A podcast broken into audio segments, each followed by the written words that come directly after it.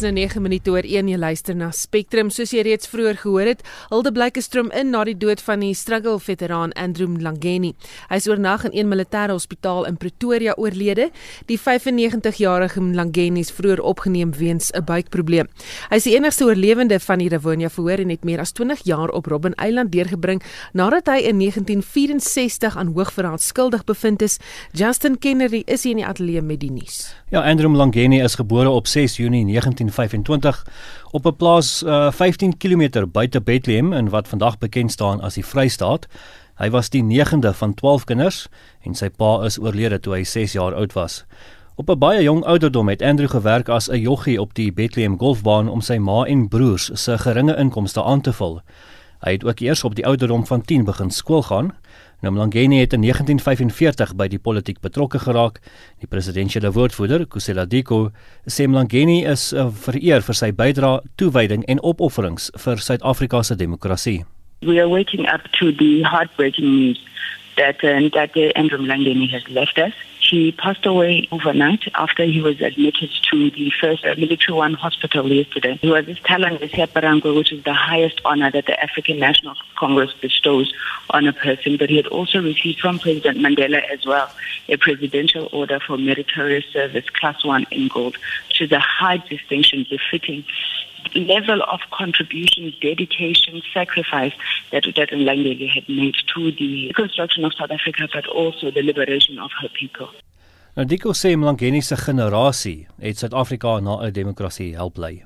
The president on hearing the news has said that this really marks an end of a generation. The president called him, uh, you know, a person who was a unique example of heroism, of humility, a person who had very strong values, who stood by those values. You know, when you look back at his life, having spent most of his, his life, 27 years in jail, so he was the last remaining Rivonia trialist, we owe so much to the generation of Babu Mlangeni for what they were willing to go through so that South Africa can live in freedom and democracy as we did today. Nou Mlangeni het onlangs sy 95ste verjaardag by sy huis in Dubai in Soweto gevier.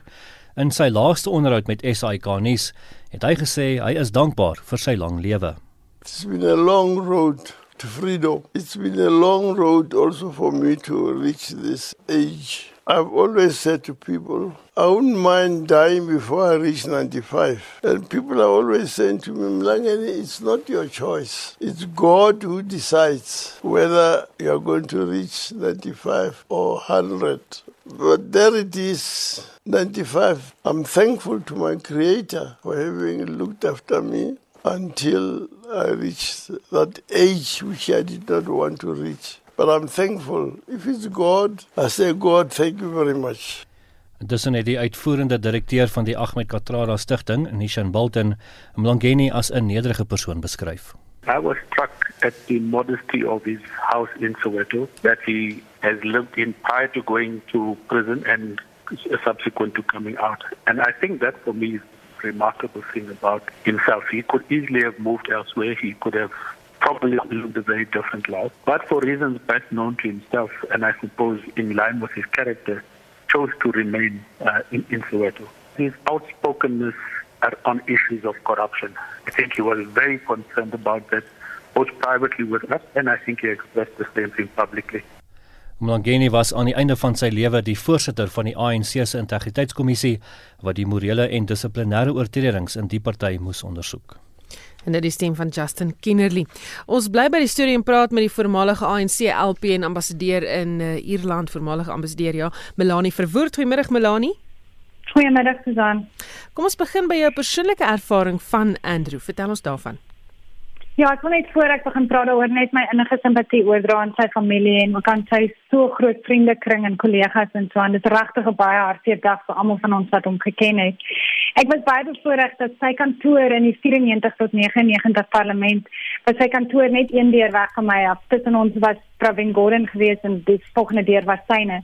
So wanneer die parlement in sitting was, het ons omtrent elke dag 'n kans gekry om vinnig te praat en hallo te sê. En dit was altyd vir my so hartroerend want hy het altyd daarop aangedring om met my in Afrikaans te praat. Hy het perfekte Afrikaans gepraat. En hy het altyd daarop aangedring en dan het hy gesê goeiemôre jong juffrou en dan het ons begin gesels. Hy het so hy het 'n vreeslike ehm um, stoute sin vir humor gehad. Hy het my altyd laat lag. Daar was nie een oggend wat ek nie uitgebars het van die lag nie. Ehm um, en jy weet hy was hy was regtig 'n dierbare man wat soveel tyd gehad het vir hierdie jong klein verwoordjie wat in die parlement was.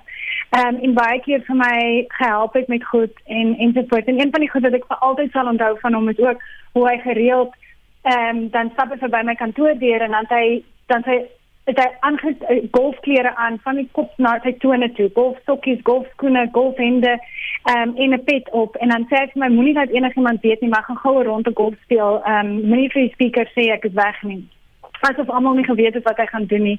Want soos jy gehoor het, het hy al van, as 'n kind het hy begin caddy in Bloemfontein en hy was regtig mal oor golf. Dit was nou die een ding wat vir hom so lekker was nadat hy vrygelaat is uit Robben Island uit. Andrew het die bynaam Robot gehad omdat hy tot die bitter einde toe by sy standpunte gebly het. Het jy hom ook so geken? Absoluut. Ek meen ek dink ons het hom almal so geken. Om Andrew is een van daai generasie gewees wat beginselvas was.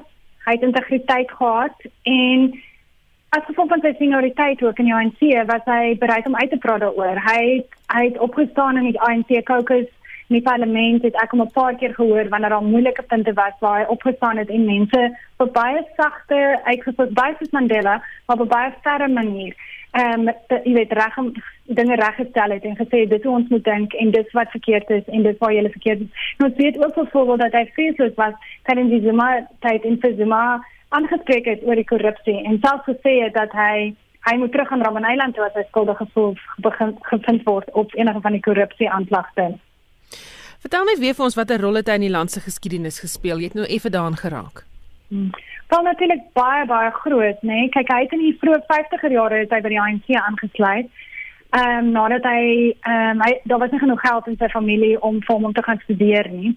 Interessant genoeg het hy toe op 'n eiland nadat hy 12 jaar gesukkel het om sy BA graad te kry, het hy dit wel daar gekry net voor hy vrygelaat is, het hy uit amper die graad gekry maar dit was klaar met sy regstudies wat ek dink so so fantasties is.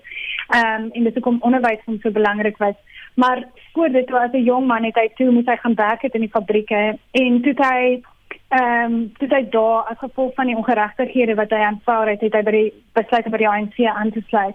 Dit is hy in 1961 oorsee om militêre opleiding te kry en toe in 63 toe hy teruggekom het in die land en het hulle hom gearresteer en toe hy nou daarna na na aanleiding van die Rivonia verhoor sy lewenslang gefonnis ehm um, tronk uh, saam met Mandela en wat sy in Robben Island gewees tot in 1989. Maar die ding is dat hy nadat hy nadat hy uitgekom het, hy was een van die wat stiller en hy het homself altyd die backboy van die politics genoem, want hy het gesê hy speel meer 'n rol. Hy was nie een van die mense wat jy altyd gehoor het van en wat op die voorgrond was nie. Maar dit was juist mense soos hy wat die Kusela ook gesê het in julle stukkie vooraf. Hy is een van daai generasie wat uitgekom het wat glad nie bitter was nie en wat ons land gelei het na demokrasie toe. Die land het 'n verskriklike groot dank aan mense soos hy verskuldig en en, en omdat dit was hulle wat dit moontlik gemaak het vir ons om 'n vreedsame ehm um, demokratiese proses te kon intree. En as dit nie vir mense soos hy was nie, dink ek sou ons baie baie slegter straat in ons land gehad het. En natuurlik later in die parlement maar ook in die ANC ook as deel van die integriteitskommissie het hy aangehou om 'n baie groot rol te speel ten spyte van sy later dat hy al baie baie oud was maar hy was nog baie openbakker en omdat hy so hoog geag is het hy so groot rol aanhou speel. Baie dankie dit was Melanie Verwoerd die voormalige ANC LP en bas en ambassadeur in Ierland In ander nuus, die adjunkminister van kommunikasie, Pinky Kekana, het gisteraand in 'n virtuele vergadering van die parlementêre portefeulje komitee oor kommunikasie 'n beroep op die SAIK raad gedoen om sy beplande afleggings terug te trek. Die SAIK se voorlegging is ook uitgestel. ANC-lede in die komitee die raad aangesê om volgende keer beter voorberei te wees. En vir meer hieroor praat ons nou met Hannes die Bison van die vakbond Bemau. Goeiemôre Hannes. Goeiemôre Susan. Daar is teenstrydige berigte wat rondgestuur word oor die SAIK se afleggingsproses. Is die artikel 189 proses nog aan die gang? Dis nog baie sterk aan die gang. Ja, daar is uh, natuurlik druk van uh, die ehm um, aandeelhouer, die minister se kantoor en ook uh, natuurlik van sekere lede in die, in die portfolio komitee dat hierdie proses moet gestaak word ten minste tydelik tot daar aan sekere vereistes voldoen word maar vir nou is die proses aan. Dit blyk asof die vergadering gister kort geknip is. Wat was die rede? Ehm um, ek het ook maar gekyk daarna en ek het verstaan dat die daar is 'n sekere vraag aan die SAIK raad gevra, sekere inligting daar is uh, vir hulle gevra om vir die daardie vir die portfolio komitee ehm um, te antwoord op op sekere ehm um, kwessies wat geopper is in vorige vergaderings en daar is uh, vooraf na die SAIK se aanbieding gekyk en daardie vraag is uh, blykbaar nie geantwoord in daardie aanbieding nie en daar is toe aangedring dat die uh, raad moet teruggaan en daardie uh, vraag wat gevra was met hulle antwoord in die volgende aanbieding. Media Monitoring Africa en die SOS koalisie is juis vandag besig met 'n sogenaamde webinar oor die situasie, weet in die pad vorentoe hier tot hoe mate kan afleggings vermy word. Wel ons dink dat uh, die die uh, belangrikste belangrikste kwessie is dat in en as 'n mens gaan kyk uh, deur die jare heen die SAK is al vir die afgelope 10 15 jaar besig met 'n sogenaamde turnaround strategy uh, en en daardie strategie het in, in het, het vrugte afgewerp sonder dat daar uh, mense afgelê is.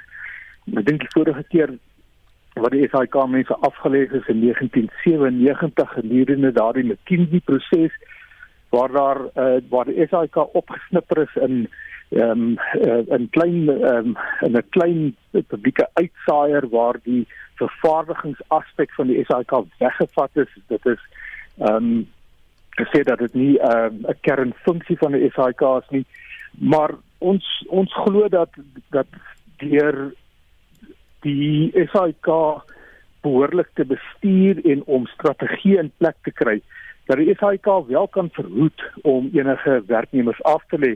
Werknemers is 'n sagte teiken, dit is die maklikste manier vir enige werkgewer om 'n meer ehm um, uh profitable, meer uh ekonomies te wees om uh kostes te sny. Dit is die maklikste om werknemers af te dank. En daardie McKinsey proses van 1997 moes die SAIK inderhaas uh, 'n klomp werknemers terug hier ehm um, wat omdat daardie proses nie behoorlik gedoen was nie en natuurlik teen 'n uh, verhoogde premie omdat daardie werknemers geweet het die SAIK kort hulle vaardighede en dit is ook uh, so nou in hierdie geval waar die mense met die vaardighede um, gaan loop en daardie sogenaamde vaardigheidsoordrag het nog nie plaasgevind nie en dit is 'n uh, baie baie groot probleem vir die SAIK. Baie dankie dit was Hannes Dubison van die vakbond Bemau. Lede van die ministeriële advieskomitee van die regering oor COVID-19 het hulle vanoggend op monitor uitgespreek oor 'n gebrek aan deursigtigheid oor besluite wat lede van die publiek direk raak. Die voorsitter van die Suid-Afrikaanse Mediese Vereniging, Dr. Angelique Kutse, asook die hoof van Essentia, Professor Fransjo Venter, dien albei op die raad. Wat net vir ons baie keer kommerwekkend is, is daar word gesê dat die advieskomitee het seker goed gesê of aanbeveel en dan as ons nie eers daaroor geraadpleeg nie, maar dit kom dan van die hoër strukture af wat dan besluit. En dit is 'n bietjie kommerwekkend want as ons nie daarop geraadpleeg is nie, moenie sê ons is nie. Volgens Venter gebruik politici die raad wat aan hulle gegee word soos wat dit hulle pas. They don't talk about the reasons behind the advice or when they don't take the advice. And I think that's what we find frustrating. Die ander ding wat 'n probleem is, is dat daar's regtig baie goeie riglyne wat gegee word. En dan sien ons die gesondheidsbeen wat die riglyne gee, moet eintlik die draer wees van vorentoe. So wat ons dan sien wat gebeur is, ons gee die goeie riglyne, maar dan sal al die ander departemente daar buite hulle eie sogenaamde kundige sê en hulle eie riglyne gee en op die oomblik is daar soveel verwarrende riglyne dat die algemene publiek net mooi sy boude daarin afvee. Kutse beklemtoon dat die krisis uit dieselfde mond en met dieselfde riglyne deur die bank hanteer moet word. Sy sê verder wil beperkte rol dra by tot die frustrasie. Ons mandaat is net om advies te gee. Ons kan niks anders te gee nie. Ons kan nie eers as ons iets optel wat ons dink wat moet kom na hierdie komitee toe en dat die minister moet bewus wees daarvan. Ons kan dit nie eers indring nie want net die minister mag ons vra en ons moet dan doen wat hy vir ons vra. Die ding is net ons sien goed gaan ook verkeerd, maar ons kan nie daarop kommentaar lewer nie. So op 'n manier moet ons dan ook hierdie riglyne wat ons hier uitkry na buite toe. Daar's niks sinister op daai riglyn nie. Sy sê dit lank reeds agtergekom dat daar 'n sloering is wat die nasporing van gevalle en hul kontakte betref, asook die toets van gevalle. Wanneer party van hierdie ouens hulle vir resultate kry, hulle of dood of gesond of hulle sal op pad huis toe en dit reeds al die ander aangesteek. daai samples wat weggegooi was in die ooskap wat in die veld opgetel is, as jy gaan kyk hoe sleg is daai samples se papiere ingevul, dan weet ek nie regtig hoe hierdie goed, hierdie track and trace en die resultate dan uitkom nie. So maar op hierdie stadium sit ons nou waarin hulle nou wel vir die private sektor gevra het om te help om die backlog op te klaar. Maar ehm um, selfs die private sektor is nou besig om uit van hierdie ehm um, PCR toetsing uit te hardloop en ons vra dan vir die publiek dat as jy nie siek is nie, moenie gaan toets nie. Maar dit dit staan dan in kontras met wat die regering sê trek en trace. Jy weet so dit word naderhand 'n nagmerrie. So ek het nou die dag gesê, weet jy wat? Kom ons toets nou net almal dat ons nou van al die stokkies ontslaa raak want ons niks meer stokkies dan kon ons in elk geval niemand meer toets nie. Venter sê verder hulle is nooit geraadpleeg oor die verbod op tabakprodukte nie. I certainly wouldn't have supported the ban. I don't think the science behind it is sufficiently strong. I think we weren't asked about the alcohol one either until recently. And again, there, I think I would have said that the other ways we can actually protect the healthcare system. I think you can make an argument for the alcohol ban, but again, we were not asked originally about our views on the science behind the alcohol ban. Die gereedheid van die Nasrek Veldhospitaal in Gauteng is boonop vir Kutse 'n bron van kommer. Ek kan nie verstaan dat die minister sê hy's happy dat Gauteng die pandemie sal kan hanteer nie. Hulle kan dan nie eens Nasrek hanteer nie. En dit is 'n skreeuende skande dat privaat ouens moet inspring en dat daar moet volonteërs gevra word om 'n Nasrek aan die gang te kry. Waar op dese are waar's die geld wat daarvoor uiteengesit is? Waar's die beplanning? Dis hierdie tipe goed. Waar is die die openheid? Maar ek bedoel dit het niks met die mek te doen nie, maar dit is hierdie goed wat vir my baie warm onder die kraag maak. Volgens Venter is dit hoekom meer deursigtigheid nodig is. Seeing a breakdown in trust between the society and the government. It's very easy to see people opting out at a time when we desperately need everyone working mm. together to actually like, curb the spread of the virus. This virus doesn't care whether we're having infighting. It's looking for every single fault line it can find. And it's finding it. And it's partly due to the fact that our politicians just don't seem to be coherent in terms of their advice. Dit was die hoof van Izinsha, professor Franswa Venter. Die volledige onderhoud wat vanoggend op Monitor uitgesaai is, is as potgooi beskikbaar op RSG se webtuiste by rsg.co.za. Ek's Marlene Forsie vir SAK nuus. Die twee oseane aquarium in Kaapstad het weer 'n beroep op die publiek gedoen om seker te maak dat hulle hengeltoerusting en plastiek nie in die see beland nie. Dit nadat nog 'n seeskilpad gevrek het weens infeksie wat veroorsaak is deur vislyne waarna verstrengel geraak het. Die bestuurshoof van die twee oseane aquarium opvoedingsstigting, Marike Musan sê, as die seeskilpad ook nie soveel plastiek in sy maag gehad het nie, sou hy die infeksie kon oorleef. In Junie het 'n Weskus bewoner 'n seeskilpad op die strand in Grotto Bay gewaar verstrengel in visvangtoerusting. Sy het eers gedink die skilpad is reeds dood, maar toe sy traantjies in sy oë gesien en dadelik die Two Oceans Aquarium gekontak om te kom help. Ons skilpad netwerkkoördineerder en hoofvrywilliger, Tracy Whitehead, het die skilpad dadelik gaan haal om hom by die aquarium stigting se skilpad hospitaal te kry vir die nodige sorg. Die visvangtoerusting was verskriklik styf om sy agterflipper en dit het reeds begin vrot. Ons het hierdie jong groen skilpad wat so 5 kg geweg het en seker omtrent 3 jaar oud was, mooi gestabiliseer en toe moes ons hierdie vrot vinpoot oftewel flipper verwyder. Nou see skilpaaie kan goed oorleef in die see met net 3 pote, so ons was baie hoopvol dat hy sou kon herstel. Ons veearts, Dr. Brandon Spollander, het die wond regtig baie mooi versorg en toegewerk, maar die skilpaadjie het nie wakker geword na narkose nie alhoewel ons vir 7 ure aangehou het met ventilasie en sorg. Tydens die na-doodse ondersoek toe sien ons dat sy darm heeltemal nekroties was. So, jy weet dit het heeltemal gevrot en hy sou nooit oorleef het nie. Maar wat ons ook toe vind in sy maag was 67 stukkies plastiek. Van stukkies tou, harde plastiek, stukkies plastiek sak in plastiekvesels. Hierdie plastiek self het nie die seeskilpad laat doodgaan nie, maar die hoeveelheid daarvan was regtig kommerwekkend. Hy moes dit alles langs ons kus ingeneem het voordat hy in hierdie visnet verstrengel geraak het. Hierdie klein seeskilpad het ongelukkig te doen gekry met die twee grootste risiko wat seeskilpaaie en ander marine diere in die gesig staar en dit is weggooi visvangtoerusting sowel as plastiekbesoedeling. Sy dood was werklik heeltemal onnodig. Seeskilpaaie is baie vroeg in hulle lewens kwesbaar vir roofdiere, dit soos haie. maar dit wil voorkom asof plastiekbesoedeling vinnig die wreedste en mees onnatuurlike roofdier word. Van dese maand word 'n wêreldwyd bewustheid geskep rondom plastiek en plastiekbesoedeling deur die Australiese inisiatief Plastic Free July. Besoedeling deur plastiek en visvangtoerusting is in Suid-Afrika ook 'n probleem, aangesien byna al ons seeskilpad pasiënte wat ons behandel in ons hospitaal plastiek ingeneem het. Seeskilpaaie is aanwysers vir die gesondheid van die oseaan en hulle is ongelooflike ambassadeurs wat mense daaraan herinner om regtig meer bedag te wees oor nie noodsaaklike plastiek vir eenmalige gebruik. En dit was die bestuurshoof van die Twee Oseane Aquarium Onderrigstigting Marike Musan. Jy luister na Spectrum elke weekmiddag tussen 1 en 2. In die program die laaste oorlewende van die aangeklaagdes in die Ravanya verhoor, Andrew Mlangeni sterf in die ouderdom van 95.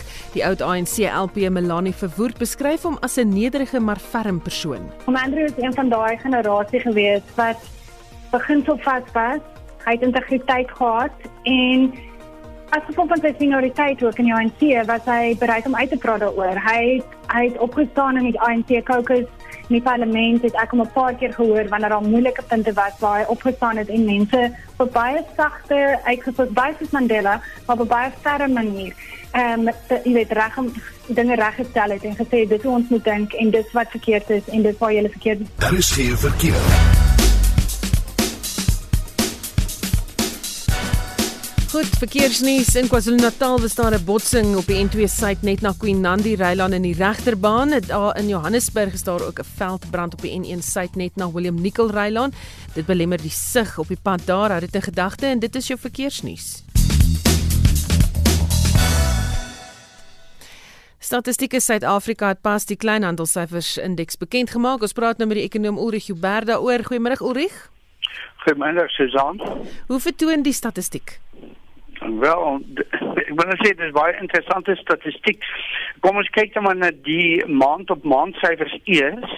Dan sien ons dat in April die kleinhandelverkope met 50,7% gedaal teenoor Maart. Dan in Mei maand toe ons 'n bietjie uitbeweeg het eh, uit die vlak 5 inperking, het die kleinhandelverkope met 74,2% gestyg. So amper 41% daling in April 74% stygings in my maand wat jou net wys hoe uh, geweldig was die impak van hierdie vlak 5 inperking in April. As mense gaan kyk na die jaar op jaar syfer dan sien ons ook dat April se syfer teenoor April 2019 het met 50,4% gedaal. Uh in my maand was daai daling nou kleiner natuurlik nadat ons hierdie maand op maand stygings gehad het was die uh, daling nog steeds 12% maar daarom aansienlik kleiner as die 50,4% van April. Hoekom het hulle beide April en Mei saamgevoeg? Ek die statistiek het vir ons al gesê ook met ander statistiek byvoorbeeld met die uh, inflasiekoers dat omdat die ekonomie so toe was uh en uh dit was dit moeilik om al die inligting wat hulle normaalweg by die punte waar hulle dit normaalweg kry in die hande te kry. En daarom uh het hulle maar hierdie April en Mei maand syfers so saam nou vir ons gegee. Maar ek dink mense moet ook aanvaar dat soos wat meer inligting dalk beskikbaar kom, gaan ons miskien nog 'n bietjie aanpassings van hierdie syfers kry maar dit gee vir ons mense 'n aanduiding van hoe geweldig die impak was van die inperking, die vlak 5 inperking in April ook in Mei maand en dit sal nou interessant wees om te sien wanneer ons uiteindelik die Junie maand syfers kry uh dat uh, miskien die normalisering van wat in die ekonomie plaasvind wat se impak dit ook weer op kleinhandel gehad het. Is daar sektore wat vir jou uitgestaan het? Ja, ja, uh, uh, uh, die moeilikheid is altyd dat hulle gee vir ons so 'n syfer vir alle ander kleinhandelaars. Jy weet, dit is dan nou nie uh algemene handelaars nie in voedsel en drank en tabakhandelaars en farmaseutiese handelaars en tekstiel en jy kan vir hulle lys afgaan. Uh so ander handelaars hulle het uh, met gekrimp met 55,5% en dan kleinhandelaars in meer duursame goedere soos huis uh, huishoudelike toerusting, meubels en toerusting, die het met 30% gekrimp en dan die kleinhandelaars in voedsel, tabak, drank en tabak het met 29% uh, gekrimp. So ehm um, ons sal seker in die maande wat kom steeds sien dat hierdie item van voedsel klein uh, drank en tabak gaan vir ons steeds nog negatiewe syfers gee omdat daardie uh, tabak en die drankhandelaars nog steeds ingeperk bly. Ja, dit skets nou 'n duidelike prentjie van die impak van COVID-19. Ja, ja, ja. En en 'n uh, mens moet ook aanvaar as jy mens kyk na die kleinhandel in die res van die jaar Uh en jy luister na wat gepraat word oor die uh werkloosheid wat toeneem in Suid-Afrika, die verswakking van inkomste wat ons gehad het oor die afgelope 3 maande. Dat kleinhandels gaan 'n moeilike sektor wees in die res van die jaar uh want die koopkrag gaan nie daar wees nie. Mense gaan ook nog steeds dink ek 'n bietjie vrees hê om in 'n winkel in te loop en veral in die inkoopsentrums in te loop ehm um, so en en die inkomste gaan nie daar wees om regte te spandeer nie. So ek dink kleinhandel is 'n 'n moeilike sektor ehm um, in die res van hierdie jaar uh en en ons sal moet sien hoe die statistiek met ons maak uh, uh in die maande wat kom. Baie dankie, dit was die ekonom Ulrich Huber. Ons beweeg na die sportveld met Shaun Jooste. Ons begin met golfnuus. Die Britse meesters op die Europese toer het vanoggend in Northumberland in Engeland afgeslaan met 11 Suid-Afrikaners wat deelneem. Brandon Stone en Aiden Porteous is die enigste twee wat nog moet afslaan. Marcus Kinhult van Swede was die wenner in 2019. Rugby. Sarel Pretorius het sy uittrede uit professionele rugby aangekondig. Die provinsiale legende het in sy loopbaan vir die Valke, Griquas, Cheetahs en Kings gespeel en ook 'n draai by die Waratahs in Australië en die Dragons in Wallis gemaak.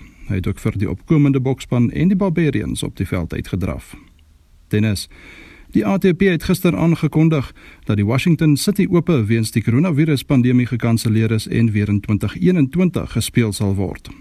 Dit sou die eerste toernooi wees sedert die seisoen vroeër die jaar weens die pandemie opgeskort is en op 13 Augustus begin, slegs 2 weke voor die Amerikaanse Ope in New York afslaan. Ons sluit af met 'n paar sokkerwedstryde wat vanaand voorlê. In die Engelse Premier Liga meet Manchester United 7uur teen West Ham United en Liverpool kwart oor 9 teen Chelsea kragte. In die Serie A in Italië speel Parma half 8 teen Napoli, kwart voor 10 draf Inter Milan teen Fiorentina en Spal teen Roma op die veldtyd. Shaun Jooste van RSG Sport. Ander hoofnuus vandag: Die hospitaliteits- en toerisme sektor het 'n uur gelede begin met 'n vredesame betoging reg oor die land, dit ten spyte daarvan dat dit onder die Grendelstaat onwettig is. Met die protes wil die sektor die kollig skyn op die geweldige impak wat die inperkingsregulasies eh, op dit het. Die sektor kla ook dat die regering nie enige noemenswaardige hulp aan hom bied nie. In Bloemfontein neem die personeel van Bella Casa ook deel aan die protes. Die eienaar, Nicola Brackenridge, sê sy moes reeds personeel afdank omdat die restaurant sukkel om koop bo water te hou. Kathy, um, the, the impact is devastating for restaurants. You know, we've been locked down the longest. We are basically still locked down. They're putting the, the liquor restrictions are killing us. You know, people come to have a glass of wine and a pizza or a pasta or a steak. They can't have their glass of wine, which is keeping them away. The curfew has imposed a whole other nightmare on us because uh, customers need to be in their homes by nine o'clock. You know, everything they do is impacting us. The restaurant industry, restaurants are closing on a daily basis.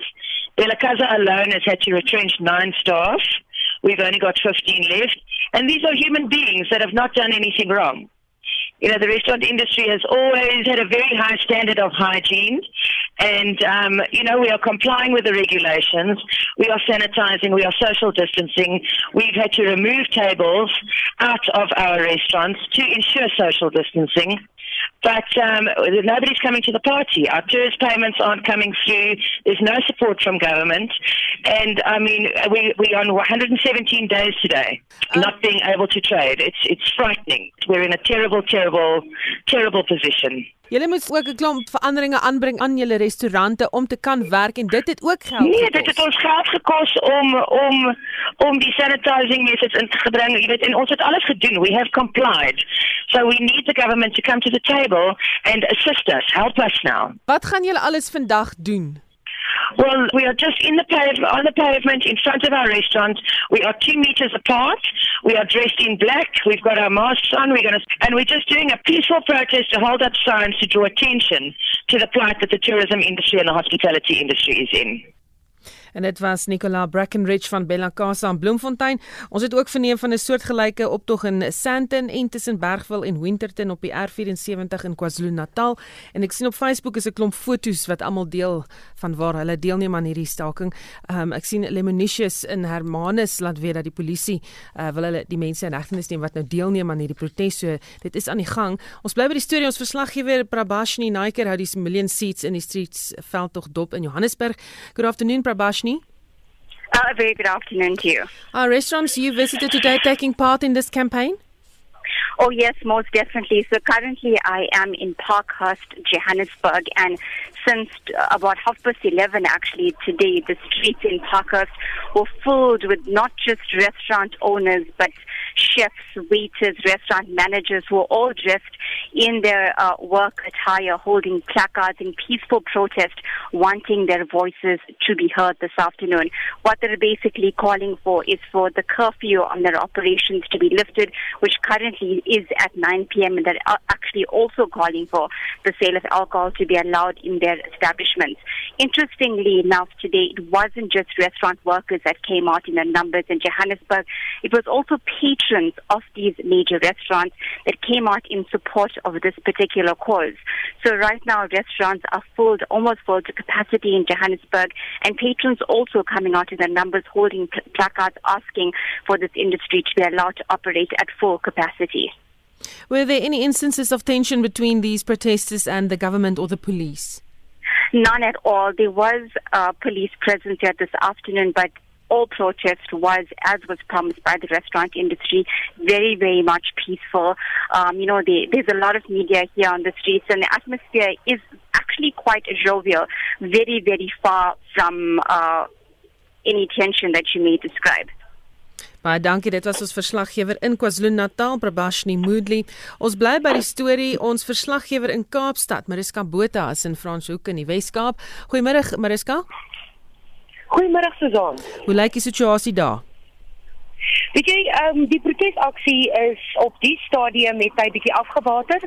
Dit was kort, maar dit was intens geweest. Mense is baie ontstel hier in Franshoek. Franshoek is natuurlik een van daardie pragtige dorpies in die Wes-Kaap en dit is absolute toerisme mekka. Die hele dorpie is ingestel op toerisme.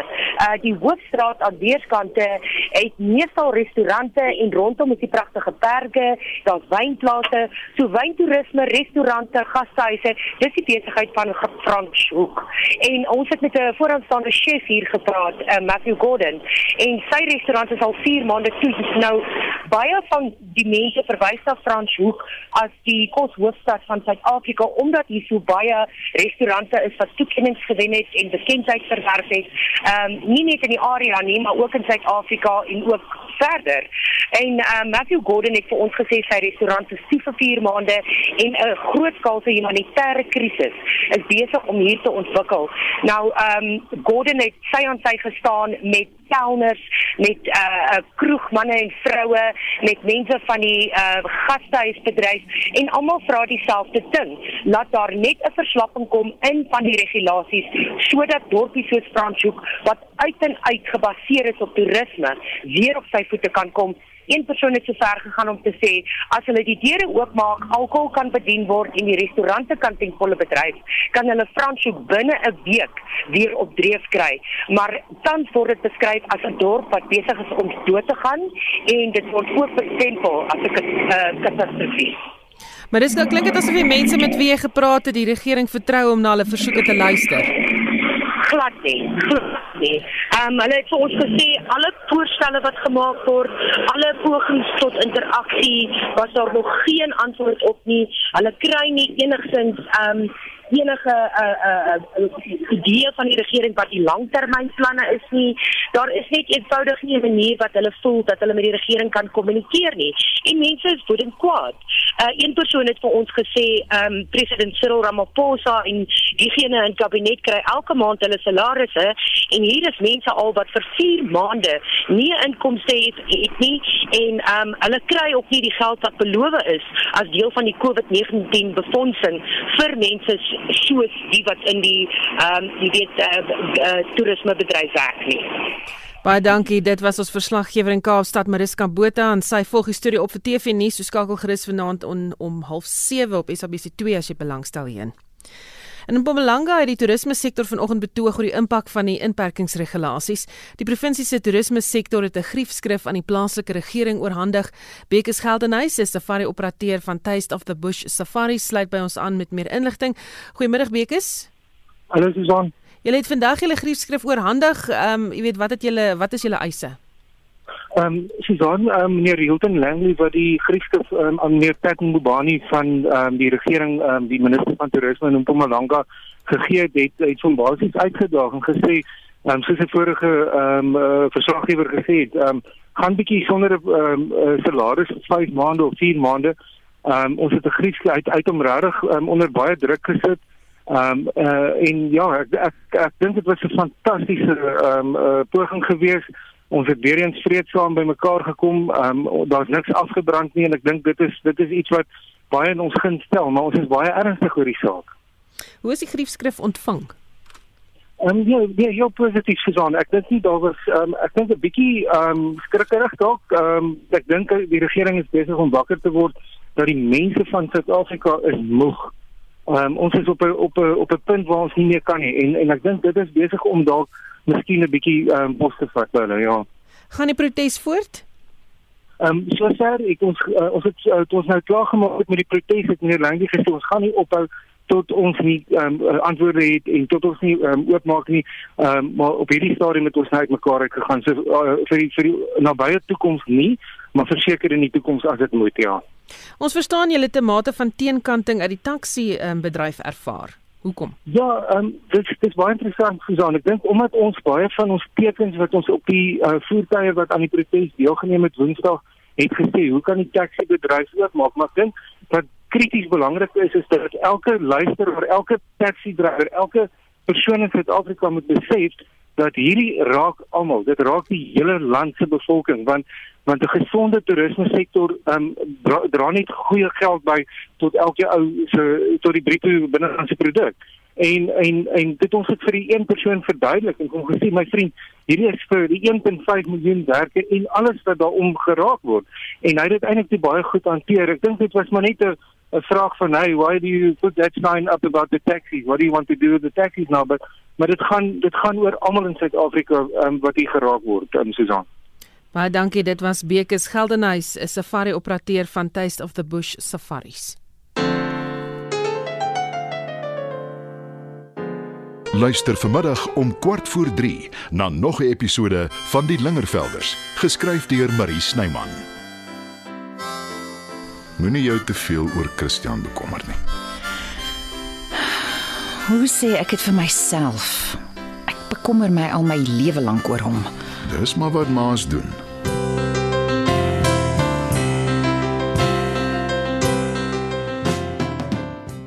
Saterdag aan 25 Julie krap ek bietjie rond in die musiekskatkis, stof 'n paar goues af en daar het jy dit.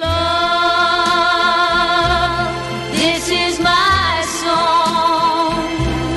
Here is a song. Towards the bridges that we're burning. Lay your head Dis die mooiste klank uit die ou dae en hy dis se wegtrek nommertjies. Saterdag aand 25 Julie om 20 oor 7. If you got leaving on your mind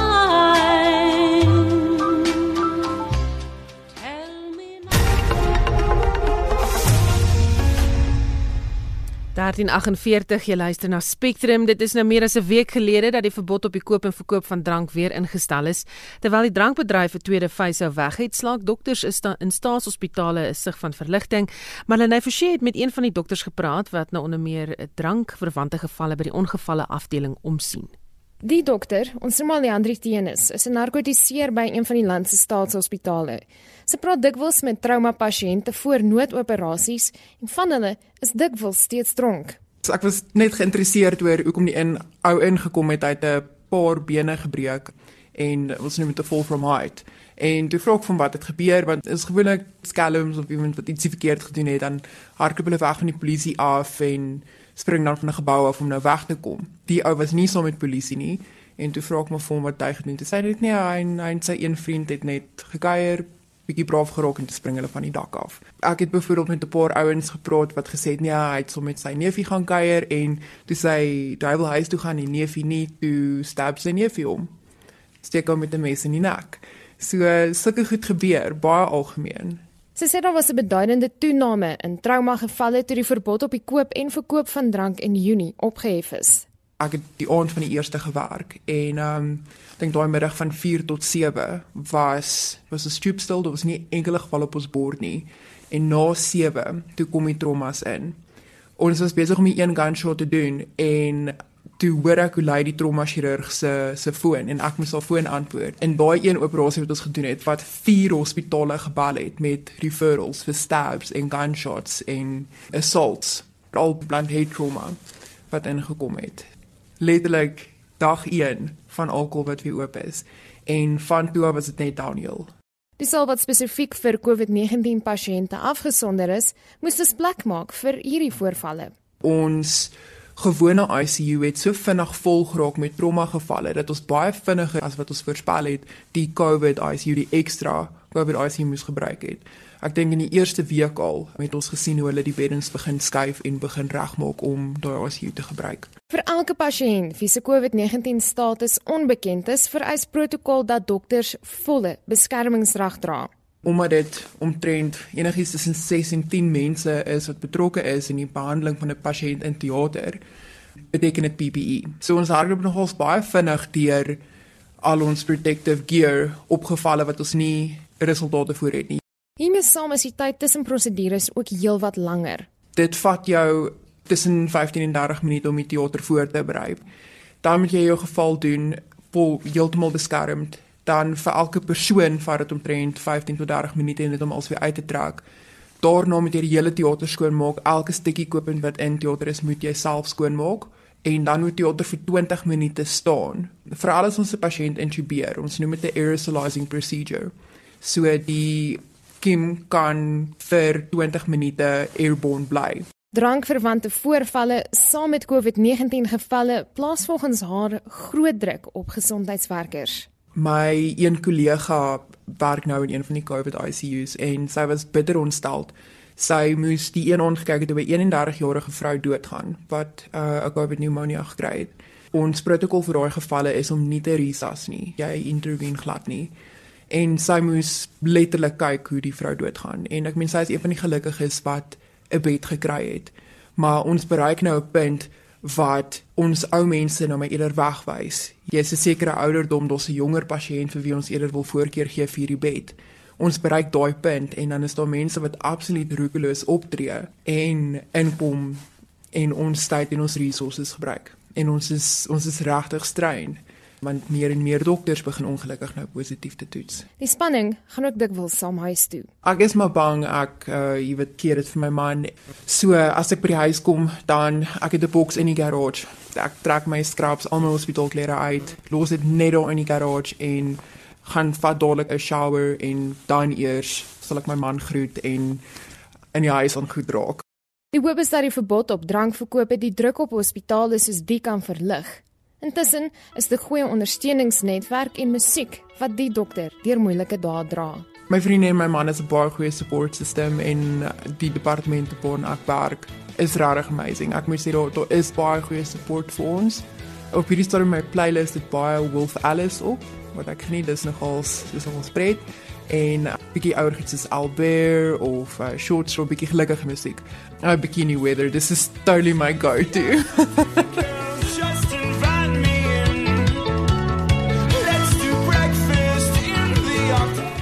Dit was Short Straw met Bikini Weather wat Marlenae Forsie se bydrae afgesluit het.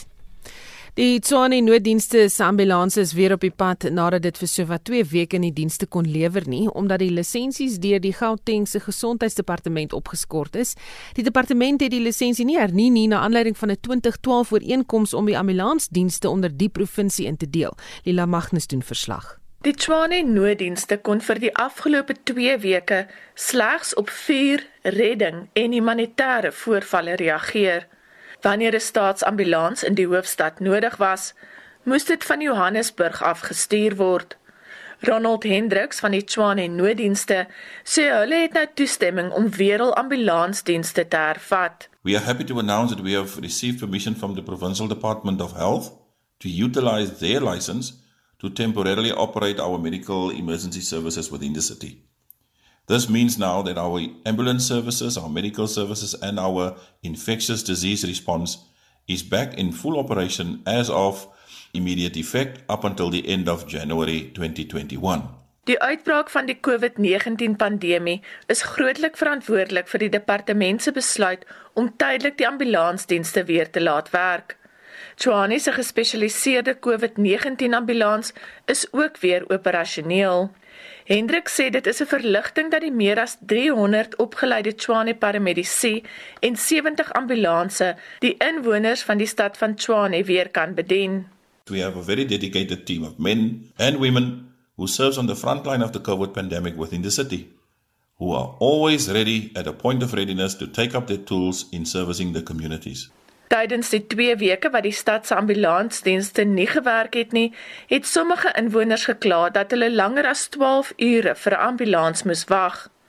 Die departement van gesondheid in Gauteng kon nie vir kommentaar bereik word nie. Ek is Lila Magnus vir SAIK nuus in Pretoria. 'n Matriekleerling van die Motswedi Sekondêre Skool naby Ceres in Noordwes is geskort nadat hy 'n onderwyser met sy kop geslaan het. Die voorval is op kamera vasgelê en versprei tans soos 'n veldbrand op sosiale media. Die woordvoerder van die Noordwes Basiese Onderwysdepartement, Elias Malindi, het die voorval veroordeel. On the third date, uh, I think it's last week on Thursday, there has been a case of a COVID-19 at the school. So the officials from the sub district met with the management of the school to inform learners about this case. Then they called them at the assembly and informed them about this. And after that, the reaction of the learners was they were unhappy about this decision. What they wanted to get was that they wanted the name of the person. They must be told about the name of the person. So they were seen arguing with that HOD on the side, some of these learners, and apparently there was that argument, and eventually HOD was headbutted by one of these learners. Malindi sê daar is 'n noodprosedure wat gevolg moet word sodra iemand positief toets vir COVID-19 by 'n skool. Dis was daar niks vreemds aan die optrede van die departement of die onderwysers wat die aanval regverdig nie. What happens is that our schools are attached to local clinics. All schools, they've got clinics that they are working with. So immediately they realize that there is someone who has COVID 19. They call the clinic to come to the school and to do screening and testing for the close contact. Then after that, the school could be closed immediately after that.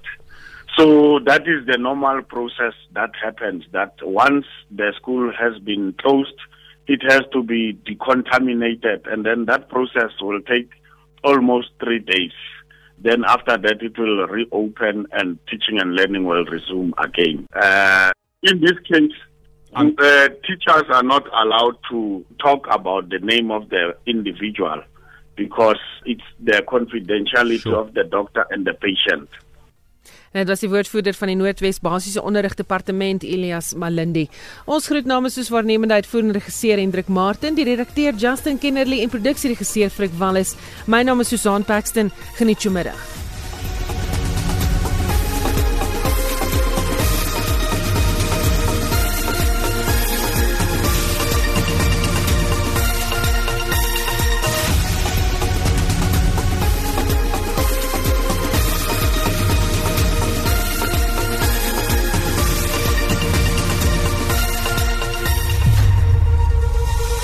SAK nuus.